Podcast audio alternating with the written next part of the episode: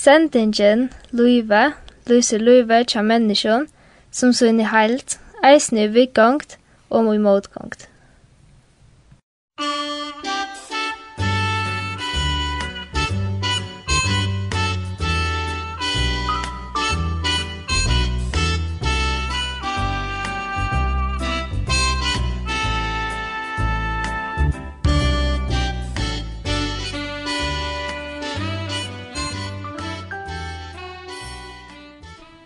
Vit er i heimen tja bjarna skala og i haun, her dela vi en byrjar, tja er bant i av skala bonem. Her er et rukt handelsliv, her koma og færa nekfalt tjokna enn det. Bjarni fortelle om sitt liv og eisne om arbeidslivet tja sér.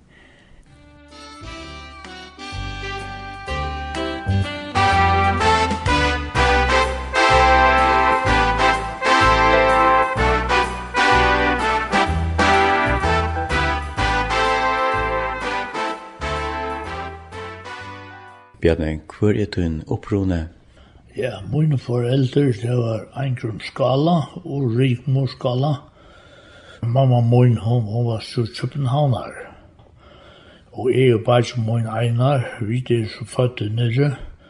Men vi kom her opp i Ottofjord. Så det startet jeg da. Bjarne, papen for nye som 20 år gammal. Ja, Så i tog tøyene måtte man ha håndverskere skole, så måtte man fære nye. Det var Arne Krutje, og så kom Krutje i midten, så, så det ble så langt. Men så hei han en kamerad nere som, som åter en sjå, han sier det, jeg skulle tenke pappa må vite, jeg var så øyelig fikk dame her. Så da skulle man at, at kjenne mamma mine. Hva var det for en stasjon var det familien som hei henne? omma mamma mina hei så sjåna. Så får det så et her, man skulle jo et angstans. Så lest han som mamma mina og, og abbe min, den danske. pappa min, han, der ble, ble så øyelig og viner. Til pappa min tog det at jeg på forskjellig der. Så reparerer han nekka til hans via pappa noen? Ja, ja.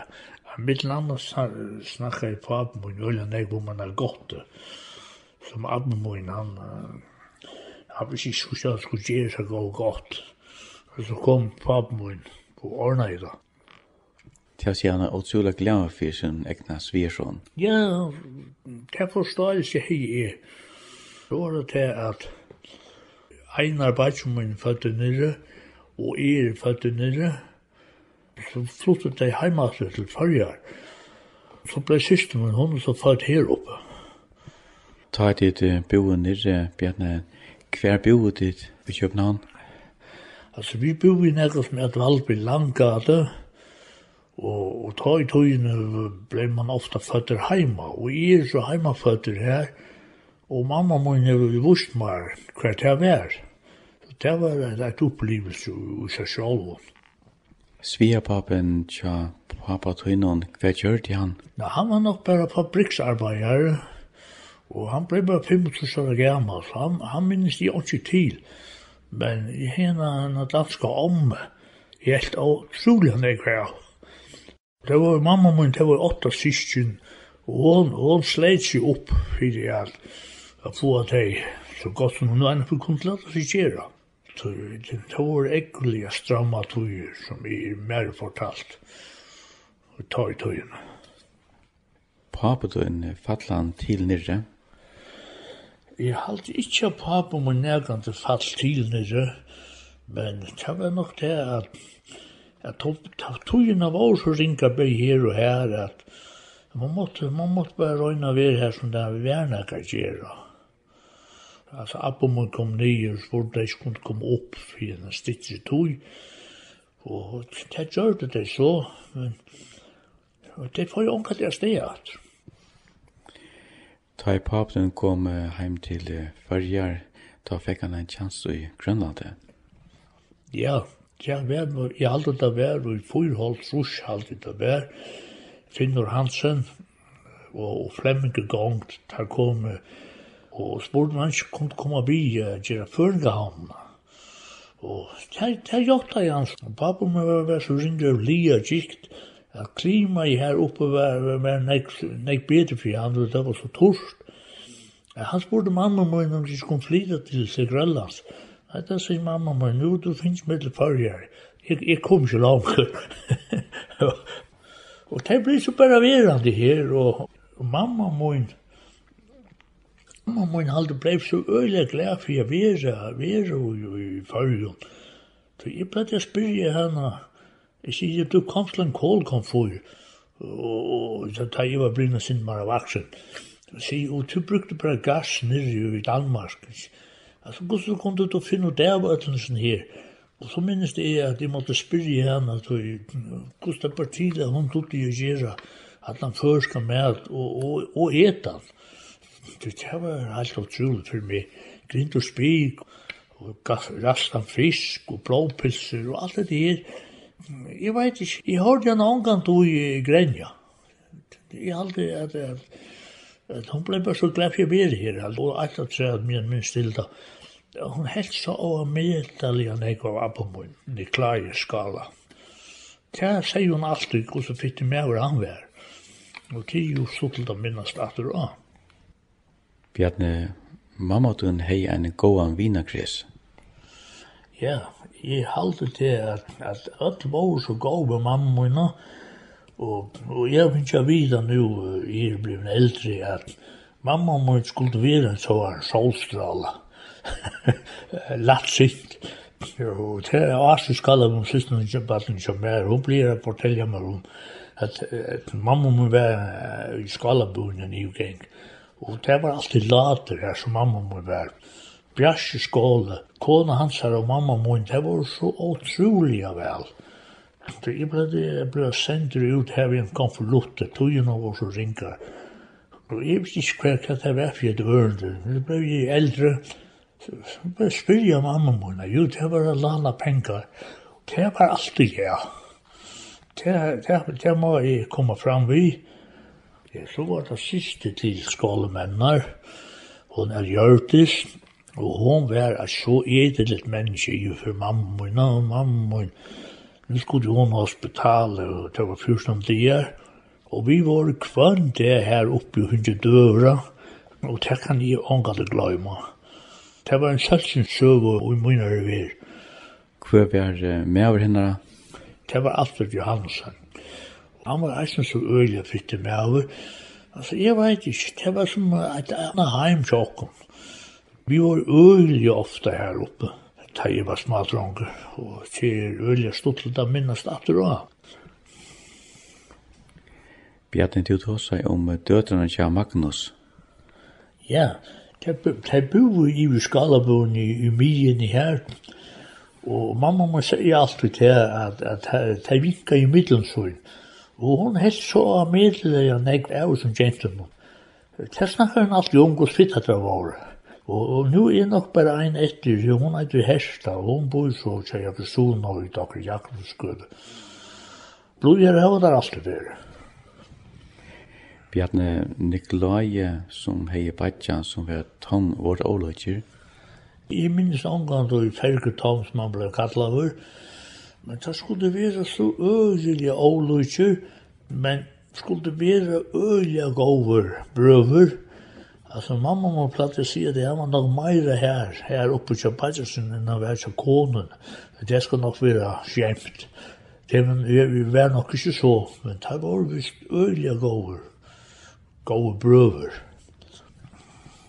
Ta og mamma tøyen kom til Farja Bjarne, Vi kom jo, jo så Abik var sammen vi, vi apokara og Abben min, han hørte til brøra samkomna, og der gikk han, han, han, han gikk høyt på i at, at vi skulle læra den kristna veien, og han helt til at uh, vinner viner var oppe i låsene på det tidspunktet, og han helt nok at det var, var mer lullet for mamma, og nu var hun så lustig ikke,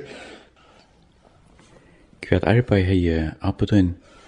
Ja, så tid til det har vi finnes fortalt fra pappa morgen, altså han var post på. Det er fire tjekse fra havnene, det var silten man inna, inna Kotlafjør. Det var til våana, men gos det er fire gins, det er veit ikke. Ja, det spurte han godt pappa min om. Det fyllte så en liten pensjon vi, og det pratet pappa min å snakke om. Det var en godt uikast, tog i tøyene. Bjarni, hvordan lengt atter minnes du som baden? Da man får vidt og skil, det kan du så minnes, og jeg har vært øren eksamen ved Abbamoen om tog. Så det som det dreier seg om, det var at Abbamoen skulle alltid ut av Archer, brøren hørte en sæl her ute, og jeg skulle køyre han ut her, og eisen i avhengt han. Og det finnes jo en ekva stortlige løter jeg gengla vi. Bjarne, Abboten Nikolaje var ofta ute av bygd. Påstå i tjøkken mamma mine, så mamma min sier onkel vi han, at jeg virkelig ikke var til det, at han helt ikke han skulle fære. Da ble det han å si ved mamma mine, altså sikla badan og så fære i. Mamma min helst han ikke avs. Så det er helst han sier kjatter i. Bjarne, omstående kjem mamma dine og kunne følge hvordan vår det? omstøvende til mamma min fra å komme fra København og å komme her opp. Eisen da man kom til maten. Altså, her var jo, jo tidlig en øyelig omveltninger. Hun var vågen ved gass, nede i gasskomfyr, og her kom hun opp til en komfyr. Det skulle du kjente stå i her. Og så var en, en kikk ved kjallaren, og det er jo aldri opplevd en kikk midt inn i København og en stor kast. Men pappa min, det var så kjøtt, jeg minns omgang tog i seg og kikk og kast. Det var så kjøtt, han flyttet av nyan, vi tar en abomun og jeg en trø oppi at ala vennen. Så det ble så flyttet igjen her, så det minnes de omgang negativ, utan det som mamma min har fortalt meg, sagt det. Høtte ikke eisne høner? Jo hønene våre her som Nanna Fastman bor nu og jag er inte langt på det här av her Här vi høner. Og alt som jeg helst ble så øyelig og stort litt, da jeg man skulle jeg har bare hött i av noen av sånne hörn. Så jag minns ikke den det där idén att här runt runt stadväck. Jeg har ikke hört. Og det var, bare et opplevelse til en smadransch. Mm.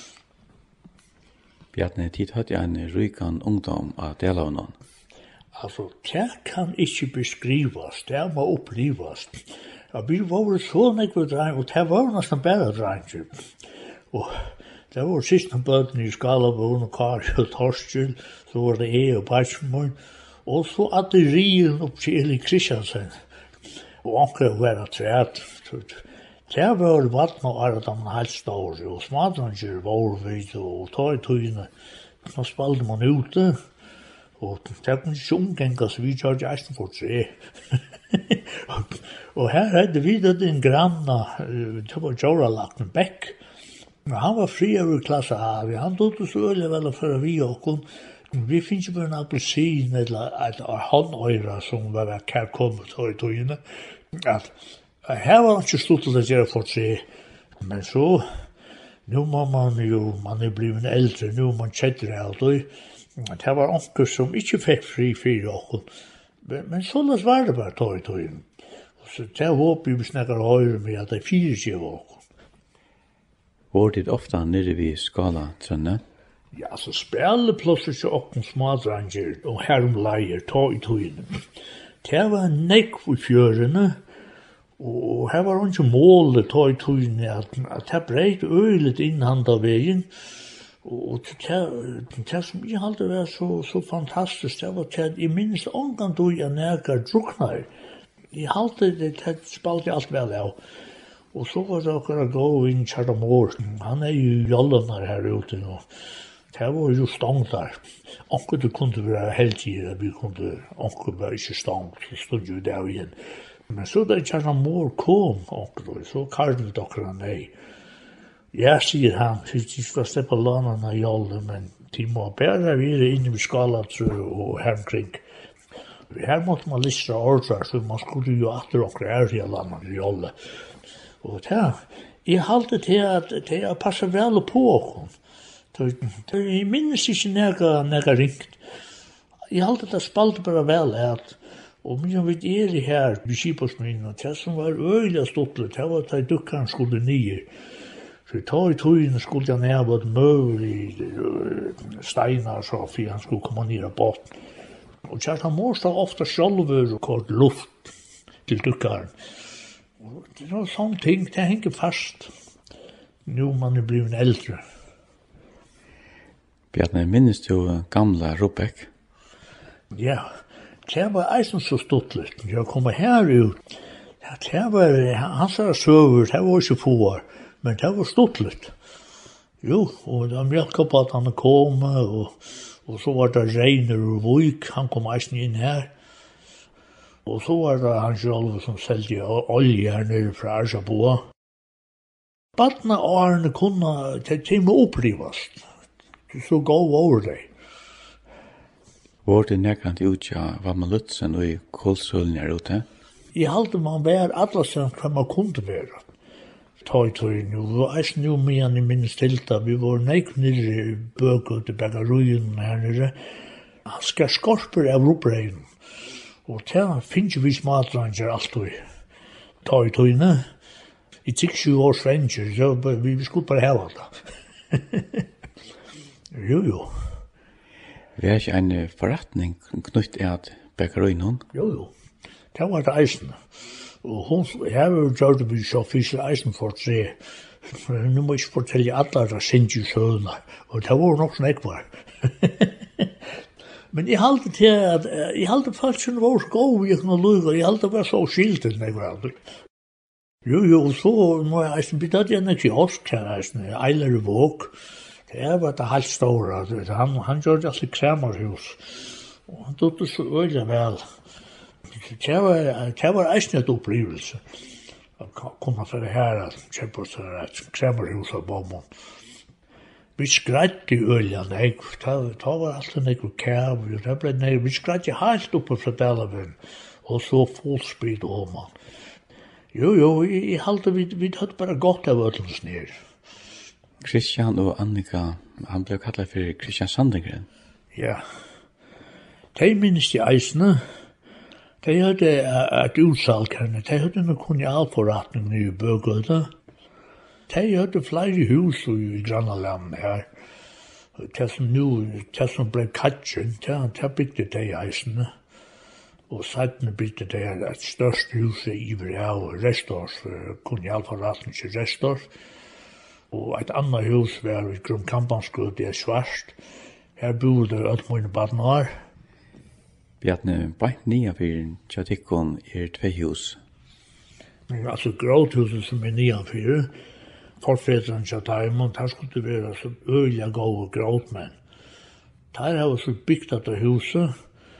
Her kom at det ødel ur fra Bayer. Hun var gift fra Bayer, men jeg minnes henne bare som Antje. Og så var det siste, hun er Betty Arke, hun er i heimaskole her, og så hadde de en av siste som var sju.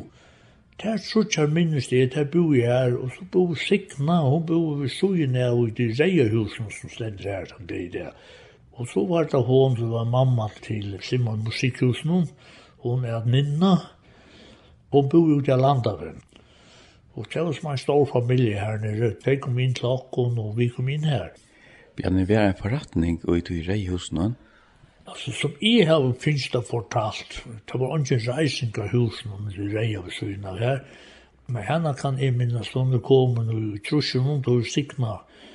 Arild hever liffa vi gikk å selge hattar her, men det kan jeg ikke minnes. Men sikna hei enn ikke osk her. Bjarne, hatta forretning av Liffe, hva får hun sett ned? Ja, altså, jeg minnes litt for nye år, men jeg har alltid til å bli tjahafn i månen. Jeg har alltid litt for hver, så godt som jeg kan minnes, men hun var så her nere, og jeg mener det var tja Taimon som hadde i. Jeg mener hun er lokal i her, men hun var så her nere. Jeg vet ikke om jeg skal si det, men det kan godt. Jeg har alltid litt for hver år, for jeg var øyne røsk. Det er alltid, alltid har skilt. Bjarni, kan du fortelle sindre om uh, skalapuna? Ja, det kan Öll mun badn og år, og det var nega man alltid gledde seg øylig til. Jeg vet ikke hvordan det kom i lær, men altså jola aftan, det var fast oppi i skalapuna.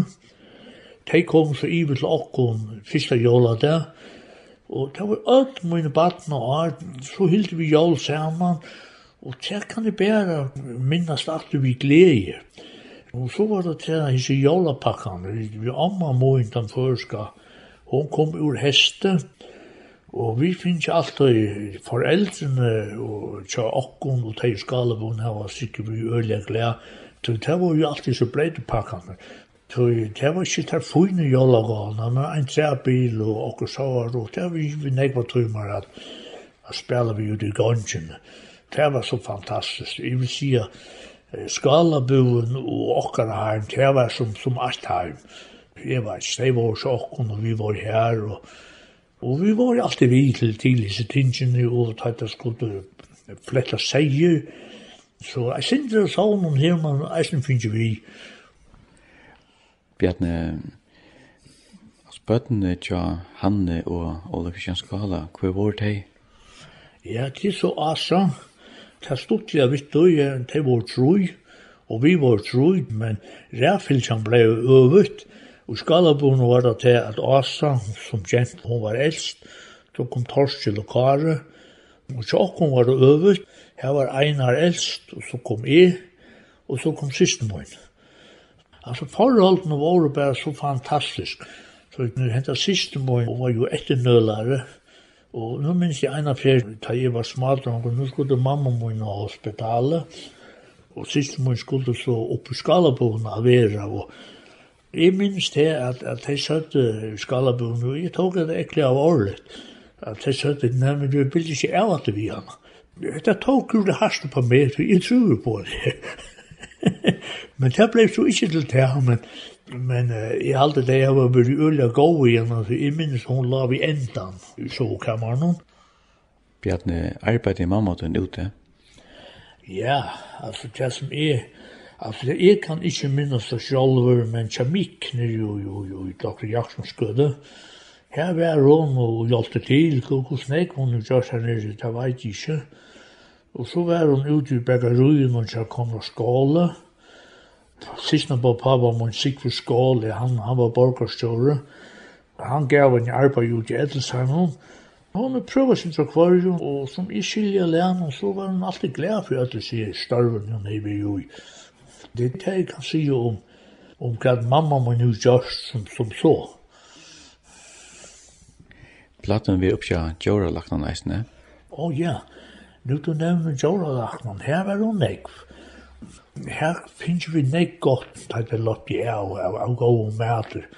Det er glettet vi vidt okken alt og tidlig i Barsumøn, Sysmøn er vi sprikket ut. Det er kom vel vi tjokken.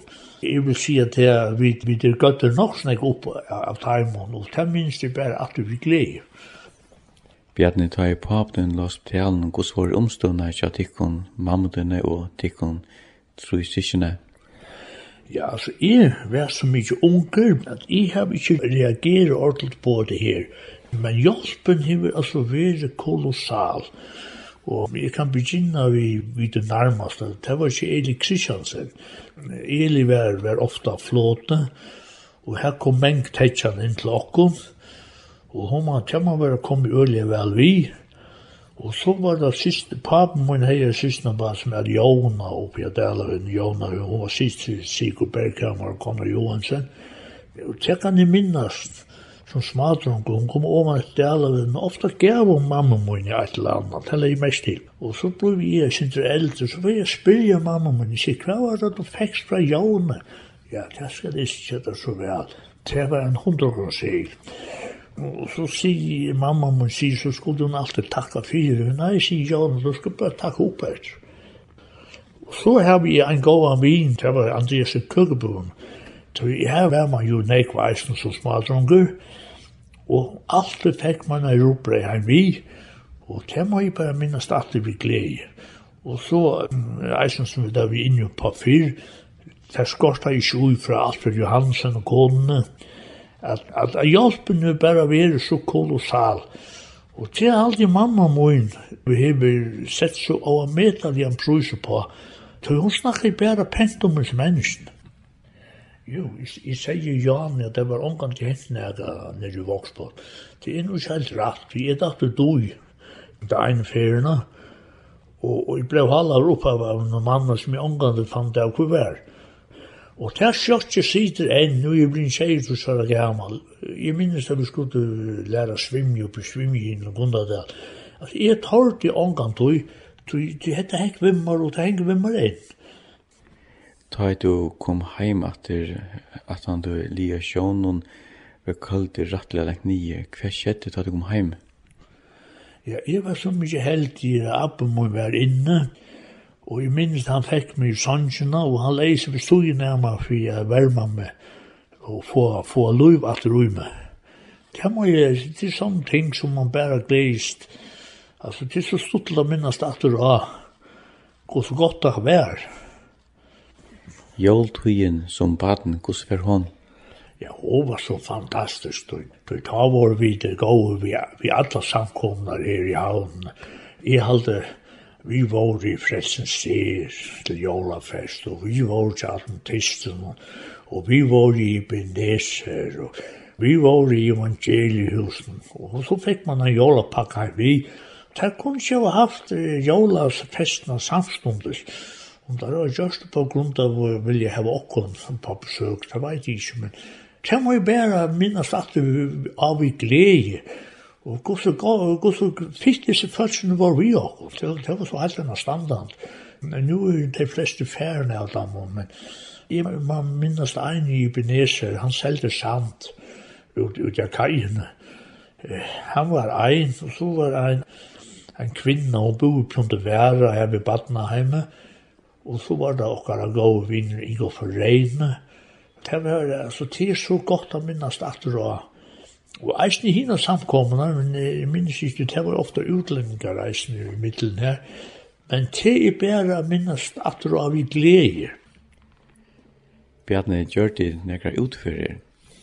Ja, jeg minnes særlig ein utfyrir, det var noen flere, men ein som, som henger vi, det var det at vi skulle vi reia krosset, som var, var doktorbader tog i tøyne, og vi skulle ut av bårene, så skulle vi land her, og her var vi øyelig vel mottikken, så ta var folk ut av bårene, som passet i fyrene, og vi spalte fotbollt, og så skulle vi genka fra bårene til Nølskjær, Dahl Kristiansen, hva var fornavnet? Det var Viggo. Ja, Viggo, Viggo var ein, og med vi som smadranger, vi var nekka forut, så det var vi farligere vi til det der, han kom nere, Hva selte Viggo? Ja, det var nok madrasser og så var ta i tøyen.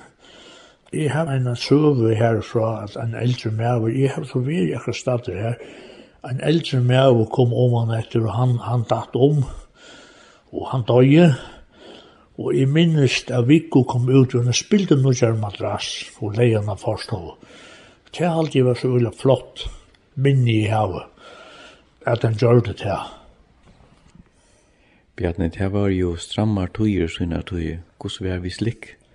Jo, jeg skal si at jeg har en av stortlige søve, når hun kom vel vi ikke mer, det var til at det siste for Bayer, Signa, hun er en kiosk, og hun sier gjør det disse bommene.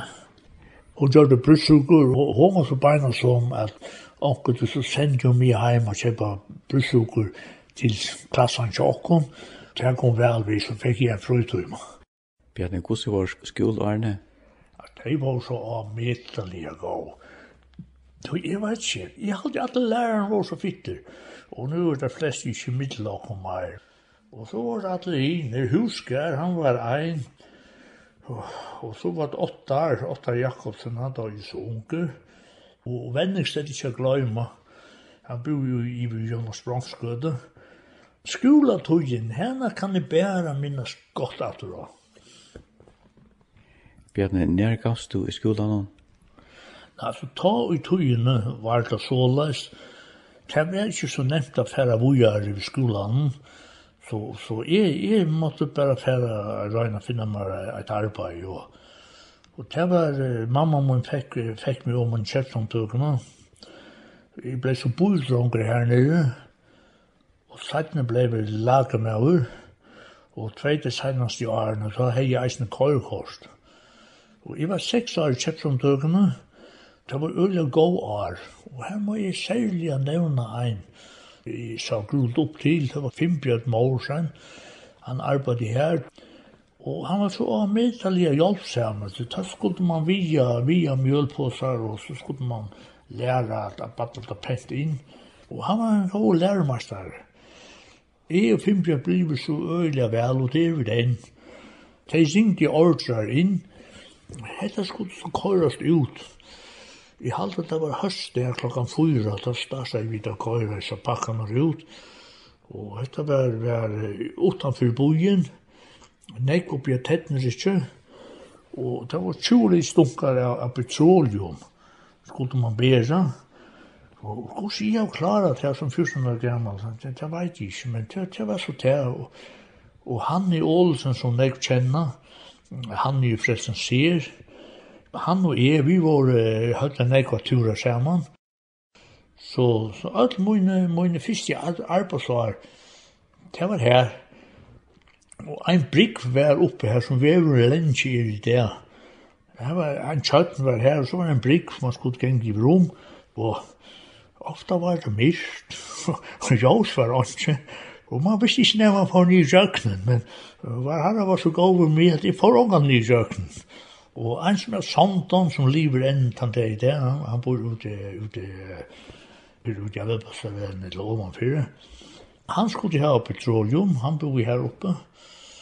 Så vi hadde en kund av Dalskar, det var her som studenterskolen er i det, Tunnan blei kort nian her, og så var det okkara jobb, det var ikke vever i til huset der og kom nu, det var okkara jobb at trilla hana iver, og det var lengt, 14 skvann der skulle denne gå at tunnan trilla stiver her, og så par stillas, og det har vi, jeg har glemt, gos vi da finnes jeg på her, det har vi så gjørst, Ein som er at Aksel oppi av Kvitanese, han, han lever enn den der, han var ein som hjelpte okkur, Og så var det en som hadde enst og klagsvik.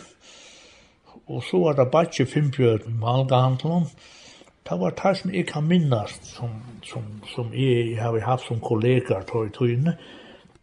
Bjarni, jeg kunne flytta medvøret sammen vi petroleum. Hvordan rikket jeg til? Ja, så ta i tøyne hevd så rikka, men det er nok vi strengelig av bann i det. Det var kvar så skvattet det ur, og det var ikke alltid så stuttelig, men Jeg minns omgang tog at vi ble klia i direkta. Det er alltid ikke tog. Det var alt blanda saman, og ofta var det så mist i som bilen. Og jeg vet ikke, jeg vet ikke om folk var god tids da tog i tøyne. Jeg, jeg kan ikke minnas at vi finnes nekka sjeld om det her. Det, det kan ikke minnas. Bjarne, var det nekka bilturar? Ja, vi var så heldige vi smadranger. Og jeg var kanskje en av dem aller heldigste. Jeg nesten bor i køkeboene, så det var så latt sitt folk. Og Andreas, han, jeg hadde det var tre fra Viken, og da kortet vi rundt ut om byen, å selja brei og kærker til, til alt det der deilige mennesker som var her tog i tøyne. En som lever enn til Norfoss, han var nekvar svimmihilen, Her var vi nek, og nek var taimon som, og ja, det er nek av dem er så færen. Og ein som, som slapp ta, han er akkur finnes køyrekost, han er Andreas Askam, han var bare Thomas Schul Askam som de fleste kjenner. Han kallte vi okkon, og vi hadde da øyla stuttlet sammen vi hånden, Og hetta var så et høstkvöld, da kallte vi saman, og ongin, ongin gruna i nega. Og så kom jeg heim, da i tøyene får man heim til døra i skolen, og så sier mamma meg vi ja, nå er han altså deier. jeg tok rolig Harse på okken, og det tok eisen i øyelig Harse på Andreas Køkebone, og ikke glemme mamma hans her. Jeg vet ikke om hun er kan komme i, det er jeg ikke. Andreas var en, en tryggvande dronker, Og han har lagt en kamp i sangbosen av Tjassar, og han gjør for sanker, og han ble så sunnsen i evangeliusen av en som var fyrstummer her, han er et åtte raundal, han sang enda sanken. Men ellers var det en øyelig djevande tog, gengur renne her nere, man fikk alltid okkur godt. Fekst du nek godt heimat vi fra Andreas? Alt, alt er godt fra Andreas. Andreas jeg sa øyelt opp til han, og papen min, og han, der ble vi perlekamerater, der der eldest.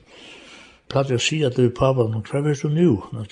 Da skulle jeg gjøre det, da nå ikke evangeliet. Nei, nå får jeg om han å gjøre Andreas han hånd. Der ble vi så øyelt gode kamrater, Og det er jeg bare godt å minnes atter av. Bjarne, komst du ofte inn til Andreas Køkbunne privat? Ja. Jeg skal si det til at jeg vet at det var Anna Heime til okkom, Så her var for det første var Andreas Neik i begge ruin og kvaldene, og her var hatt og fjolt å komme inn. Altså, det var lukka mykje hvordan man kom inn her. Altså, man mest i ångan tog Andreas sier, oi, just nu kommer där atter. Men han kunne jo ha stantorna men hun var alltid a klem. en kroker var hon. Og det var lukka mykje god som man kom inn her. Men så var det til at man slapp eisen jo på. Og Andreas vi synger i harmonike. Jeg må bli undra til, den det er det, at, at det her var tøyma altså, å offra seg for åkken. Det er nekka man minnes at det blir glede. At det var så honalt og fjolt, og alltid fikk man en drekka mån, og, og ja, så fikk man eisen heim vi. At det her var tøyma gjørst det her. Jeg har åpig hus for åkken.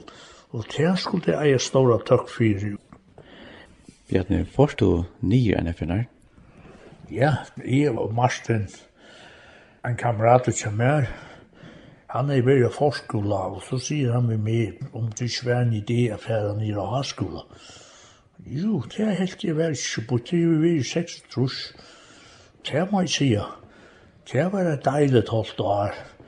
Og vi var flere utfristurer, vi var en i Svørge, man var norrlig i Svørge, og her var nekver havar, ikke havar, og en var kinesiske, og her var flere sånne havar, fra forskjellige London. Det var det, jeg var holdt år her nere, og hei det øyla godt. Hvor det er føringar nere i haskolan tjatikon eisen ta? Ja, altså, ikke haskolan, men Her var ein som, som leste at han kom ur Vuk. Han var her, og man tatt jo flere føringer veri her. Eisen Arne Eva her, og ein, ein som hei veri her, og da Tønnes Vardum, han hei veri Arne hei veri her, og Jorn og Dol, Trymningen som er, hun er eisen vi Arne, men altså, da Eva her, da var det bare vi trutjer jeg vet ikke, jeg, jeg, jeg har så øyla store familie nere, så det var så øyla djevand for meg at jeg var her. Jeg har det så godt at alle var i verden nere. Hva Hanskolen som du var stå av låan? Ja, hva hanskolen la i middelen, han la i middelen Roskilde og Holbæk. Det var en gura lyd til, ja, bygd, og var øyla lyd til ta i tøyene. Men hon er vaksen så øylig, sier det for meg, jeg har gått vid hjertet her. Men, men det var som, som allt kände hver annan. Det var, det var forholdene våre, jag som är forrige. Det var veldig spennende tog. Ja, alltså han som vi hade som forstander her, han är att anhöj en øyelig fytte med över. Och han var Bornholmar. Og han var reisende jo vidtja i förrjum, og han vidtja i så i, i Beneser, her kan jeg minnast, Jeg har glemt en av damen som har vært i Haskolan eisene. Jeg visste hver hun bor, hun bor bare tett med ikke, og han ville så øye gjerne halse på henne. Jeg visste hun så hver huset var. Det er det som var i her da. Bjarne, så kom du hjemme til Så skulle man ha akkurat det gjør, og det var ikke, ikke det er ikke trøen på det tidspunktet. Jeg ringde så nyan til en som er Peter Jakobsen, han var formøver til kommunene. Vi, vi kjentes vel, han og papi og alt. Og så spurte man hei nega, om han hei nega arbeid. Jo, jeg kom bare komme om manna dagen. Ja, vi skulle samles oppe på Sjønakarhuset. Og det var så innanfor asfalt. Og her var det så alt det sommaren. Jeg vet ikke, jeg kom gengant for å bo i Paulsen. Jeg halte var en leia der. Ja. Og da sin en grymmer av trappen, og han grymmer seg vi med, han manglet en sjåfør, og da var han ekka for meg. Ja, det var bare kanskje kjøpått. Her ble vi hengende i alt tredje vi årene som vi hei etter. Vi starta nere jo her nere her som er roi er nu, vi er svinskudda, og så får vi igjen av hals. Jeg vet ikke om man kan si at det var heimsins nalve og i Torsand nere i Torskudda i Sunnatøy, men her var alle trafikkeren som kom til havnene og får fra havnene. Hvordan er omkvarvet her nere, Bjarne? Jo, altså omkvarvet her nere tar i døgnet. Det at jeg var så, jeg vet ikke hvordan jeg skal si det, det var så hjertelig, jeg alt kjente hver annan. Her var Nils, Nils Mortensen, han er ikon i alforaten her. Det som jeg kan minnes, så får det i at jeg selger klæger, så hendte det, til sirkelige her, at, at det kom eldre ui. Og så hadde vi det største rui her reisende, og det er deilig flytta kjærger i her våre. Og så var det kom til til rui, det burde vi inn. Så her samlet snakk folk, som alltid samlet her, det var barberen, i alltid skåle og kissa, og han som er idemikk. Peter F., borgarstjåren Sjåkon, det var fast her, så det var bare fast på en dag. Så var jeg i kjeppmenn, Skræling var her, det var så hona litt. Og så var det hun selv som hei rensa ruje, Maria, ja. Og hette var vår bojarmynter, og så må man ikke glemme hver apostel. Særlig jeg sette det øyne dama og jólamanan, og hatt en stemning i her inne her. Og det, det er sånne ting som, som eh, altså det var så øyelig god stemning. Så var det å ta midt i byen. Og alle de mennesker som bor rundt omkring her. Ja, Maruje, her var eisende. Just, just var her, og jeg vet ikke, han har en fantastiske henter. Så Han tjekk nekker inn til Mar Paulsen, så det var alltid akkurat han skulle gjøre, så man Jeg vet ikke, jeg halte han, han er gav med for for Marie. Jeg halte han dutt i alt, ta med av. Det kan jeg eisne minnast aftur da. Og alt det som var i her, ta i tøyene. Ruppersen, han, han var nok mest innanfor mjölkina. Han bo i eisne jo i Dr. Jakobs grøde, bankbesøyne og kjepsamtøkene. Og soner hans her, han var eisne her, han var røyne. Nei, gå folk, av minnast aftur da. Lastbina platt jeg bakka inn her vi i sin store dunknum. Ja, men så var det eisen til at man var særlig om høgtøyene. Altså køyen for å kjøpe mjölk, hun kom for halsen i en fransabrekke. Det det var en, en viss jarm og tøy, og det var eisen skamt av kvart mjölksin. Man fikk ikke noe mjölk som man ville hava. Og jeg vet ikke, nu man er eld, da finner man en tatt på det. Det er jo sånne skjerme, alt det her. Og där mjölkabatan som kom in, så kom det alltid inn i Voxbott. Rubbeck, han var jo, en, man å si, bojarmynden, men man må si, han var bojarmynden i Voxbott. Han hørte bare til her. Og alt det her minns man alltid vi glede. Og så hei jeg som min nere i gang til Voxbott. Jeg hei jobb at køyre fiskatetjer for forskjellige gåa, men Jeg vet ikke om det er lurt i etter meg at jeg skulle kjøpe bensin. Henry Jules, han var iverpolitister, Han var ein, hos Simon Askan, som hei smijina. Han var ein, og det var onker andre rett. Og det var så mot jobb. Jeg vet ikke hvor stort det vil ta i tøyden, men nu tar man er en eldre, nu minnes man at det tror vi glede. Stjør jo i kommunskolan, det var meir ut av Bakalavo. Jeg har ikke jobb å kåre fisk nye for han. Nu er man glad for at man gjør så lutsinter for det eldre. Minnes du ta og i Badje Rubek, førte han på han? Ja, han førte den store som der hørte ta i togene. Han bor ved søgene av seg Inga Forreine, her oppe som auto og teier. Men han var kipar her, og vi platt jeg snudd av kunne bo. Og vi halde der av hukne mellom fingrene her, vi betalte jo ordentlig. Båteren Sigmund, Bjarne, hver kom han fra? Jo, han kom nok ur England. Han er veri en gammal minnestrupar i, i under krøynen. Han kom til her, og det var, det var et flott fast i tøytøyene. Så det var nekka man sa øyld opp til. Og her er man nekva gåa turar vi vi Sigmund. Bjarne, hvordan var ar arbeidsomstående til Mar Poulsen og Svinnartøy? Da man begynte å arbeide her, Altså, tja, tja, tja, tja må upplevas. Tui, tui, tei som er unge der, tei du så fyrstidla seg hos det vær. Min anna høyde vi det et lager ute i Dr. Jakobsens skøte, og han var en brekk om han her, og tøy tøyen var alltid grua holdt om veteren. Det var så veldig ofte man kunne fære nye ui her i bilen, så måtte man bera alt nye. Det var janrør som man brukte ta, og han kåpar var kommet, Da måtte alt sleipast nian av veien, og radiatorer, og det som var. Og det fyrtjekk seg alt vi vi handamakt. Kranar så, det, det var slik kom. Bilen hei omgang kranar tog i tøyen. Så det blev alt båren nian. Men sjølvande, så var man jo eisen nekni jo i her, da man slapp om med bilen. Men eh, man visste ikke om nega anna, så... Og så var det bileren. Bilen hei jo nekva batna sjukur tog i tøyen, og Det visste man om morgenen da man skulle komme om til det gå bil.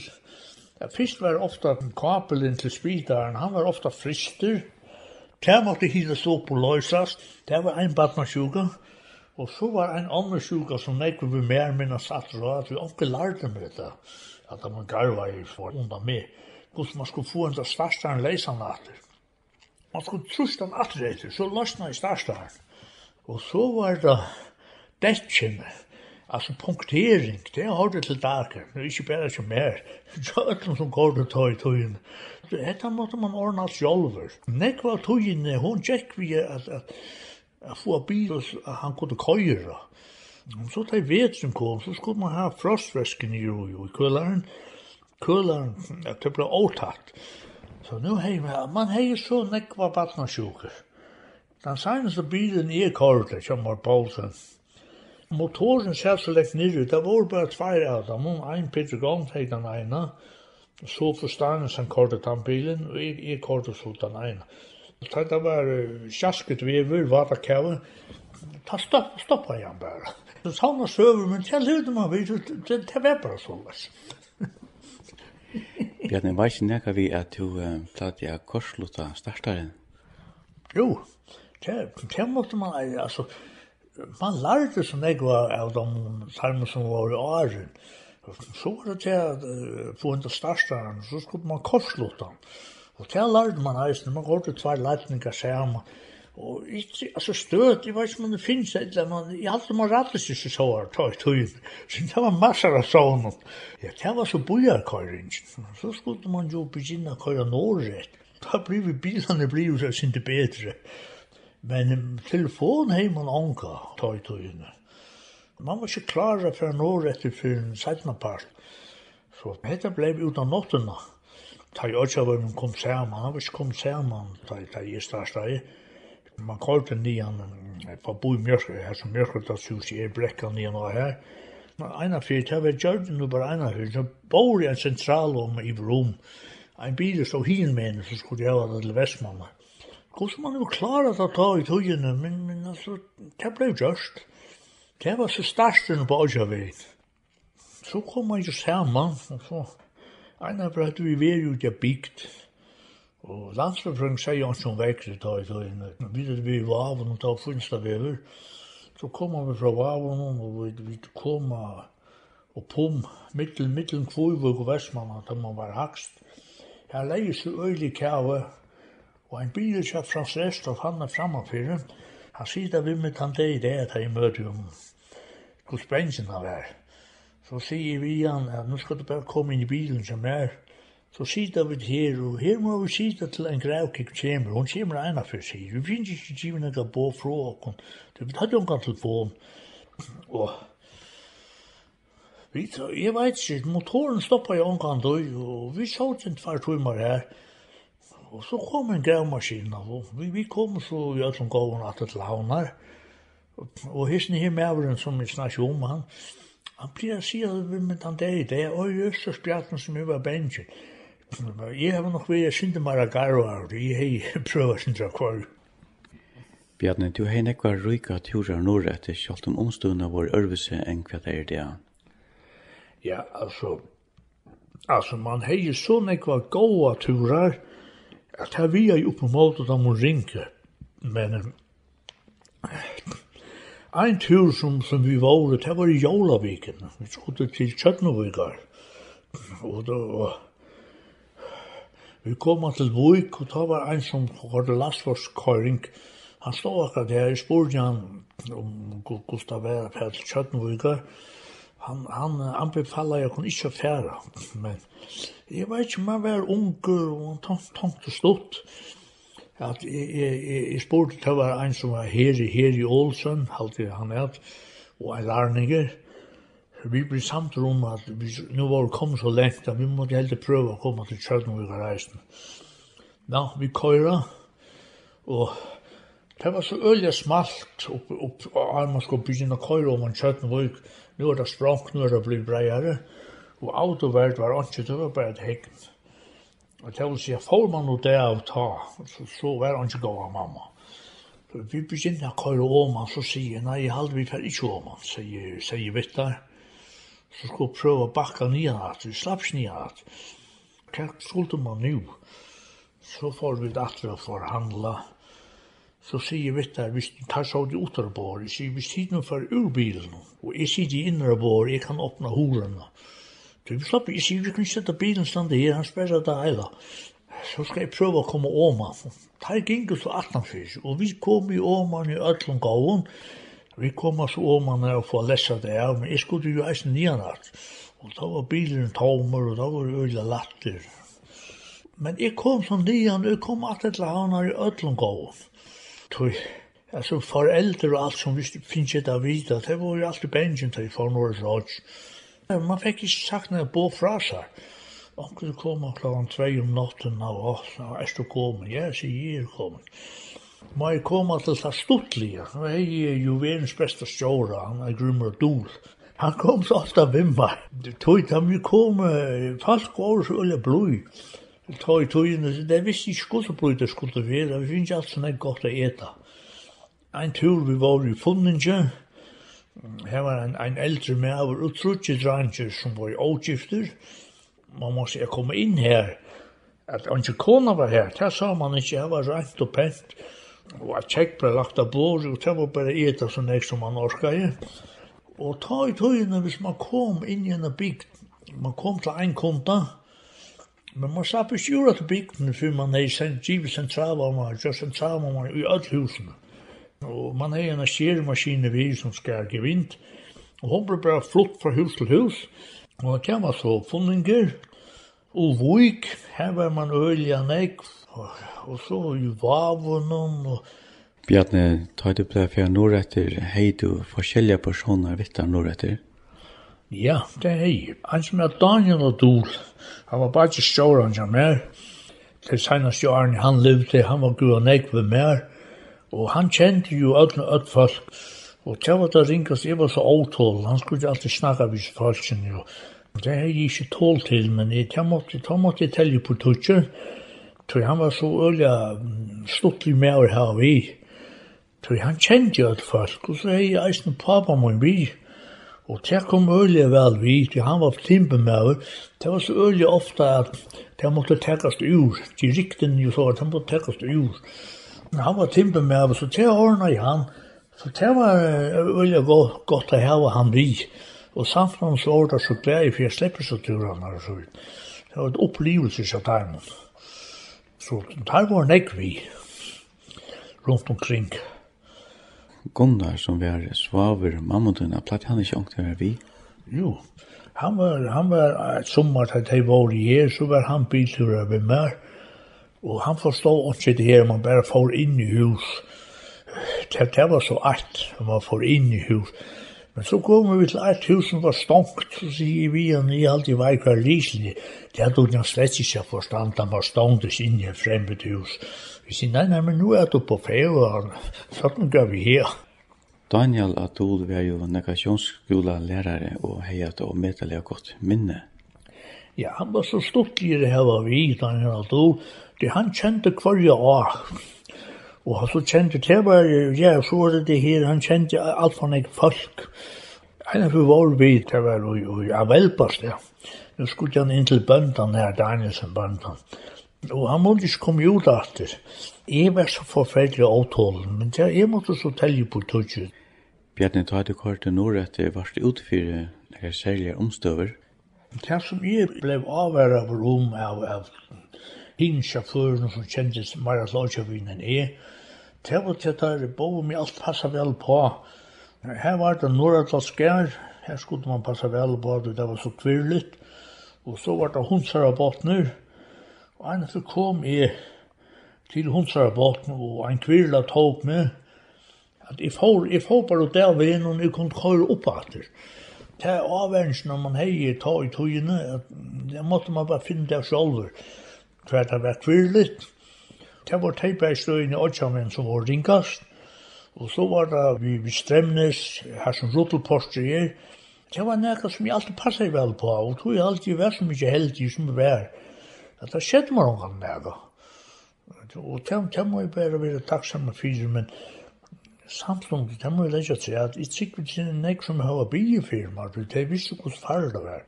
Nek vi hadde vært øyla ringer, men så hei man eis nek sølsinsøver.